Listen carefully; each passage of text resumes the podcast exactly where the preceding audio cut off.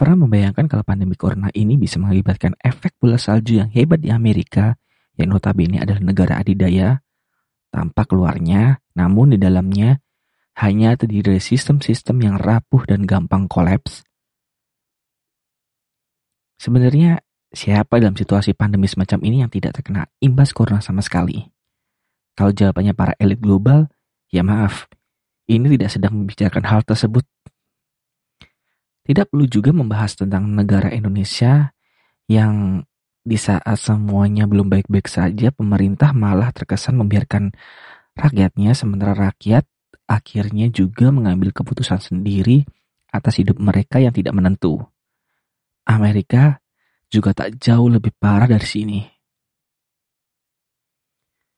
Sempat beredar kabar kalau para pendukung loyal Presiden Trump menyuruhkan bahwa corona itu tidak ada seakan wabah ini adalah palsu, hoax, dan aturan untuk melockdown sebuah kota demi pandemi ini adalah sifat-sifat yang diajarkan para penjunjung asas komunisme. Sungguh pemikiran yang luar biasa absurd sih. Tapi memang gak aneh juga kalau keseruan semacam ini muncul dari pendukung Trump yang beberapa dari mereka malah terkena corona. Amerika bukan negara yang imun dengan virus corona. Jika kita sering mengikuti data WHO, penyebaran COVID-19 di negara ini justru menduduki posisi paling atas dari seluruh dunia. Kita juga tidak melihat bagaimana ilmuwan-ilmuwan pintar seperti yang diilustrasikan dalam film-film, mereka dengan cepat menangani virus ini. Malah justru para tenaga medis di sana melakukan protes dan mogok kerja karena dua hal. Pertama, karena tidak mendapatkan APD yang layak, dan juga mereka berhenti bekerja karena pendemo yang mengganggu jam kerja mereka. Sungguh sangat ironi. Tidak cuma corona, kini Amerika menjadi sorotan dunia setelah tanggal 26 Mei kemarin. Sebuah tragedi memilukan menimpa seorang pria kulit hitam warga negara Amerika, tepatnya di Minneapolis, Minnesota, karena efek dari corona dan sistem yang telah membusuk lama yang akhirnya mengakibatkan kemurkaan tidak hanya di warga negara Amerika, tapi juga di dunia. Saya Jacob Julian, saya akan cerita sedikit tentang George Floyd, imbas corona, dan sistem. Malam yang hangat di kota Minneapolis. Kota tampak sepi berimbas dari pandemi COVID-19 yang menyebar ke seluruh dunia. Hanya sesekali kendaraan lewat sebab kota ini tidak menerapkan status karantina total. Meski demikian, tidak berarti pertumbuhan ekonomi kota ini juga membaik. Justru dengan adanya pembatasan jarak sosial, kota ini bersusah payah menjaga kestabilan ekonomi. Sama halnya yang terjadi dengan Kongga Latin Bistro, sebuah restoran dan klub dansa bernuansa Latin yang terletak di timur laut Minneapolis. Mereka dengan terpaksa harus memberhentikan sementara seorang pria besar dengan tinggi 6 kaki 6 inci dari posisinya sebagai petugas keamanan. Pria yang selalu ramah dengan pengunjung punya sikap baik ini mendapat julukan karena penampilannya tersebut sebagai si besar Floyd atau Big Floyd.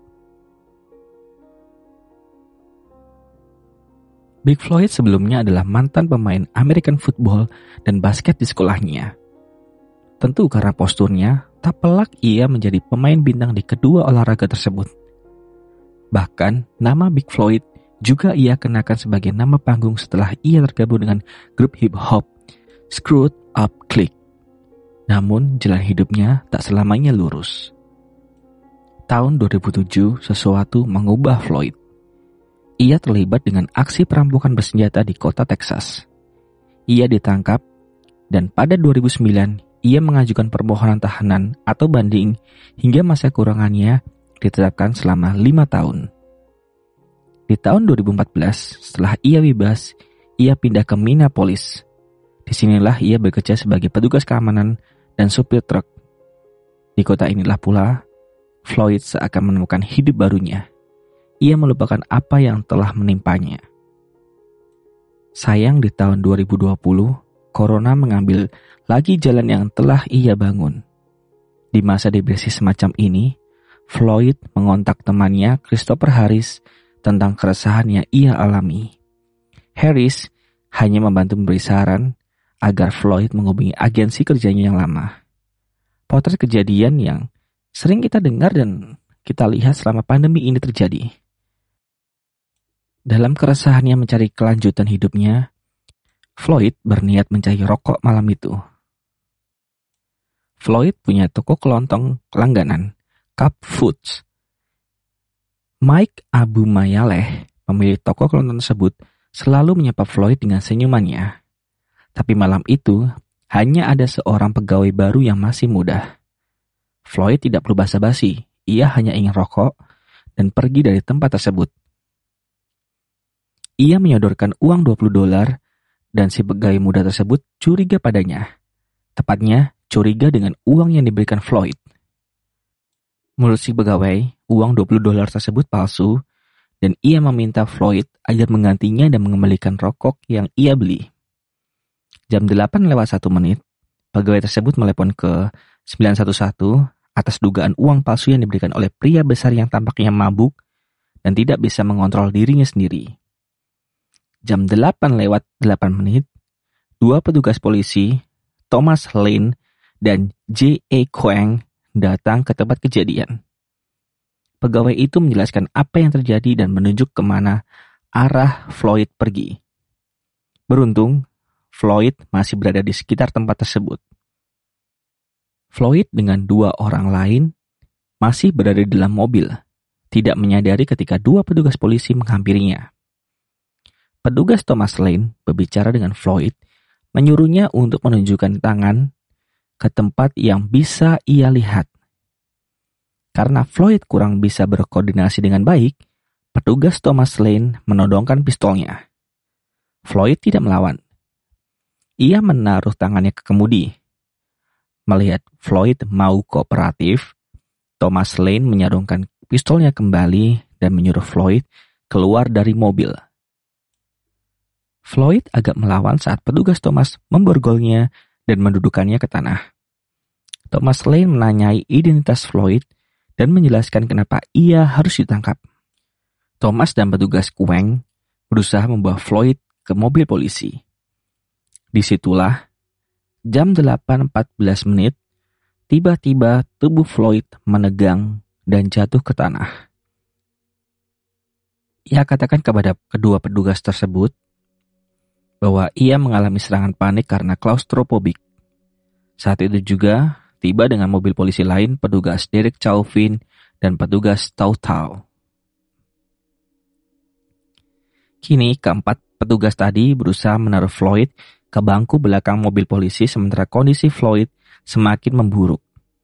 Mereka mencoba menaruh Floyd ke tempat yang berbeda-beda di mobil polisi tersebut, tapi Floyd tak kunjung membaik. Floyd juga sempat mengatakan dirinya tidak bisa bernafas saat berada di luar mobil polisi. Para petugas ini tak juga menenangkan Floyd. Jam 8 lewat 19 menit, petugas Chauvin menarik Floyd dari bangku penumpang. Hal ini membuat badan besar Floyd ambruk dengan wajah menabrak ke tanah dengan tangan masih di borgol. Khawatir Arga tidak lari, Dua petugas memegangi kaki Floyd dan petugas Chauvin menekan leher belakang Floyd dengan lututnya.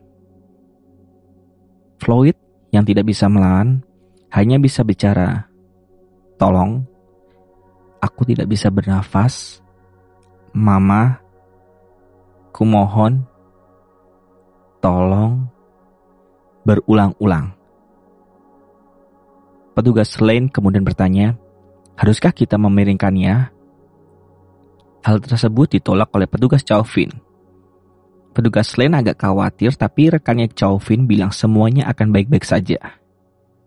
Enam menit kemudian, Josh Floyd tidak lagi bergerak.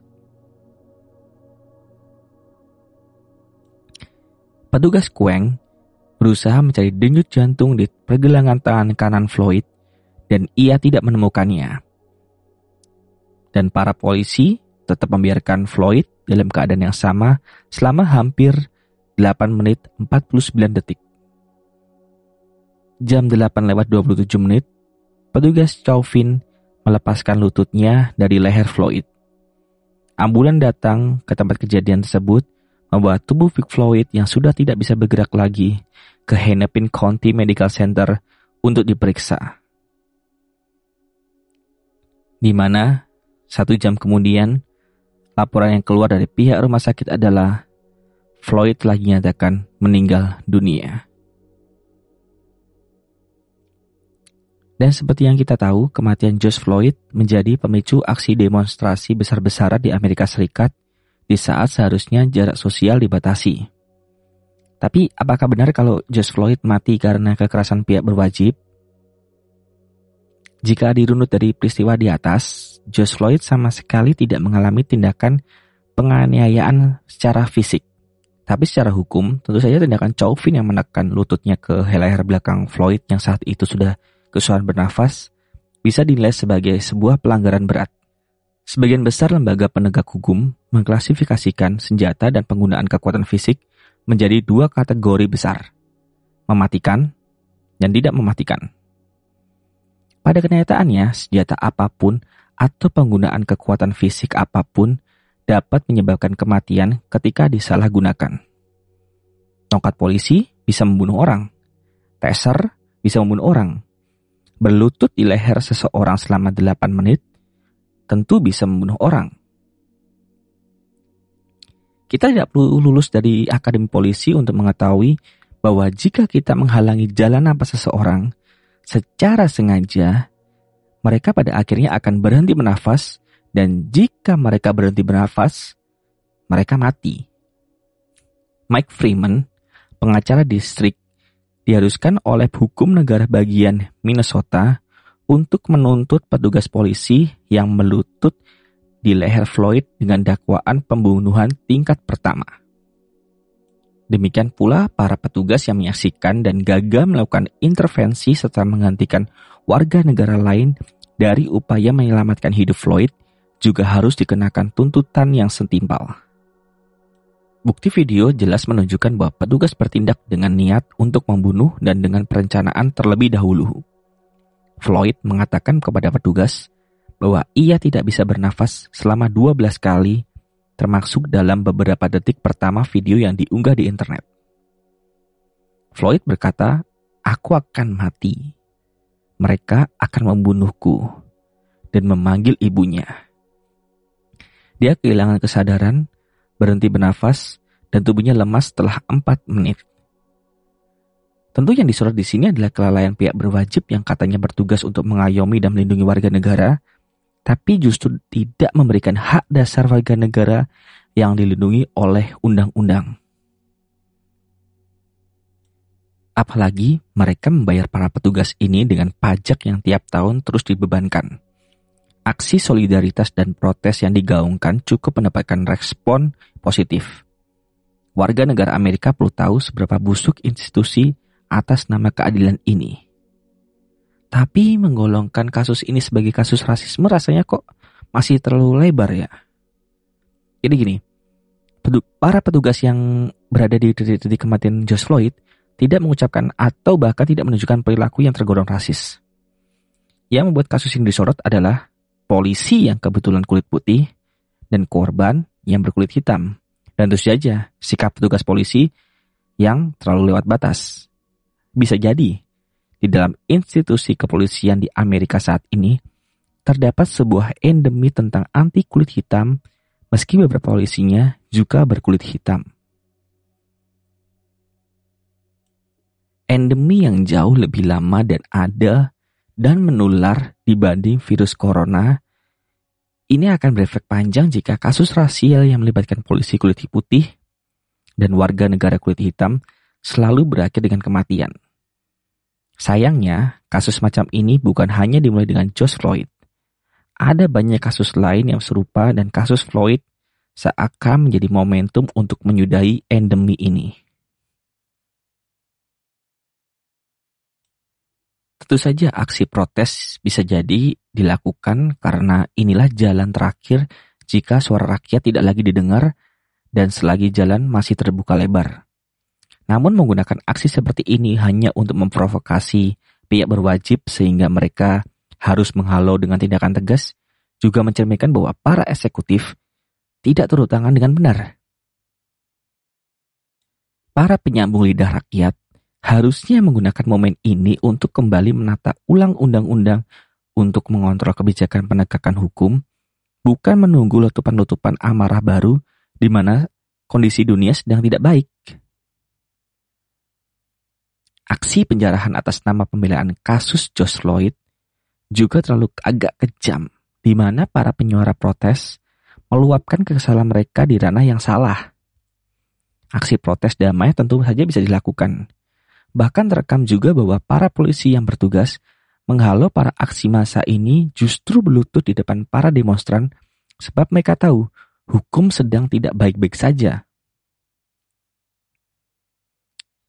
Sikap kesal para pendemo yang akhirnya merembet ke aksi penjarahan ini membuat Presiden Donald Trump juga turun tangan lewat jempolnya di Twitter. Trump dengan tenangnya mentweet yang kalau diartikan semacam ini. Jika penjarahan dimulai, tembakan dimulai. Tweet ini merujuk dari frase yang dikemukakan oleh Ketua Polisi Miami, Walter Hadley di tahun 1967. Mungkin kapan-kapan saya akan membahas kenapa bisa ada frase semacam ini. Dan tentu saja, usaha yang dilakukan oleh Donald Trump adalah sia-sia dan justru banyak menuai kecaman Hingga pihak Twitter sendiri harus memberikan peringatan karena tweet tersebut justru akan memicu kekerasan. Bahkan sebelumnya dalam sebuah konferensi dengan seluruh gubernur di Amerika, Trump mengatakan bahwa para gubernur ini terlalu lemah untuk mengatasi para pendemo. Kalian semua lemah.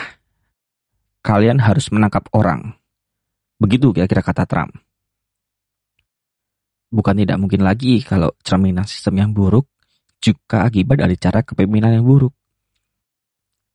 Tak pelak, kini lebih dari 75 kota yang melakukan aksi protes dan lebih dari 4.000 orang ditangkap. Sementara jika kita lihat sendiri di sosial media, banyak yang melakukan perlawanannya sendiri dengan memasang foto profil hitam sebagai lambang perlawanan digital. Apakah semua itu sepadan dengan hilangnya nyawa George Floyd? Atau kita menunggu George Floyd lainnya? Kita tidak pernah tahu apakah uang yang dipakai Floyd itu palsu atau enggak. Apakah mengibarkan bendera rasis perlu di kasus ini? Serta fakta ternyata Chauvin dan Floyd pernah bekerja sama di katu kantor serta hasil otopsi yang mengatakan bahwa George Floyd ternyata positif corona. Kita tidak pernah tahu apakah kabar itu benar atau enggak. Tapi setidaknya kita paham bahwa ada nyawa yang hilang di kasus ini. Kasus kematian ini bukan hanya soal dakwaan atas penyalahgunaan uang palsu, tapi kasus ini adalah sebuah pemicu bahwasanya sistem keadilan belum merata di negara dengan tingkat rasisme lebih tinggi. Bahkan ada sebuah studi yang mengatakan tingkat kematian orang kulit hitam dibunuh oleh polisi adalah satu dibanding seribu. Bisa dibayangkan itu termasuk kemenangan cukup besar di negara yang penduduknya lebih banyak daripada Indonesia. Tapi membuat kasus ini sebagai kendaraan untuk merampas hak hidup yang tidak punya urusan dengan hukum juga tidak benar. Tentu saja apa yang dilakukan oleh para penjara atas nama keadilan adalah omong kosong anarki yang belum pada tempatnya. Saya bersimpati dengan kasus ini. Ya dengan korban, juga dengan korban aksi penjarahan yang tidak perlu.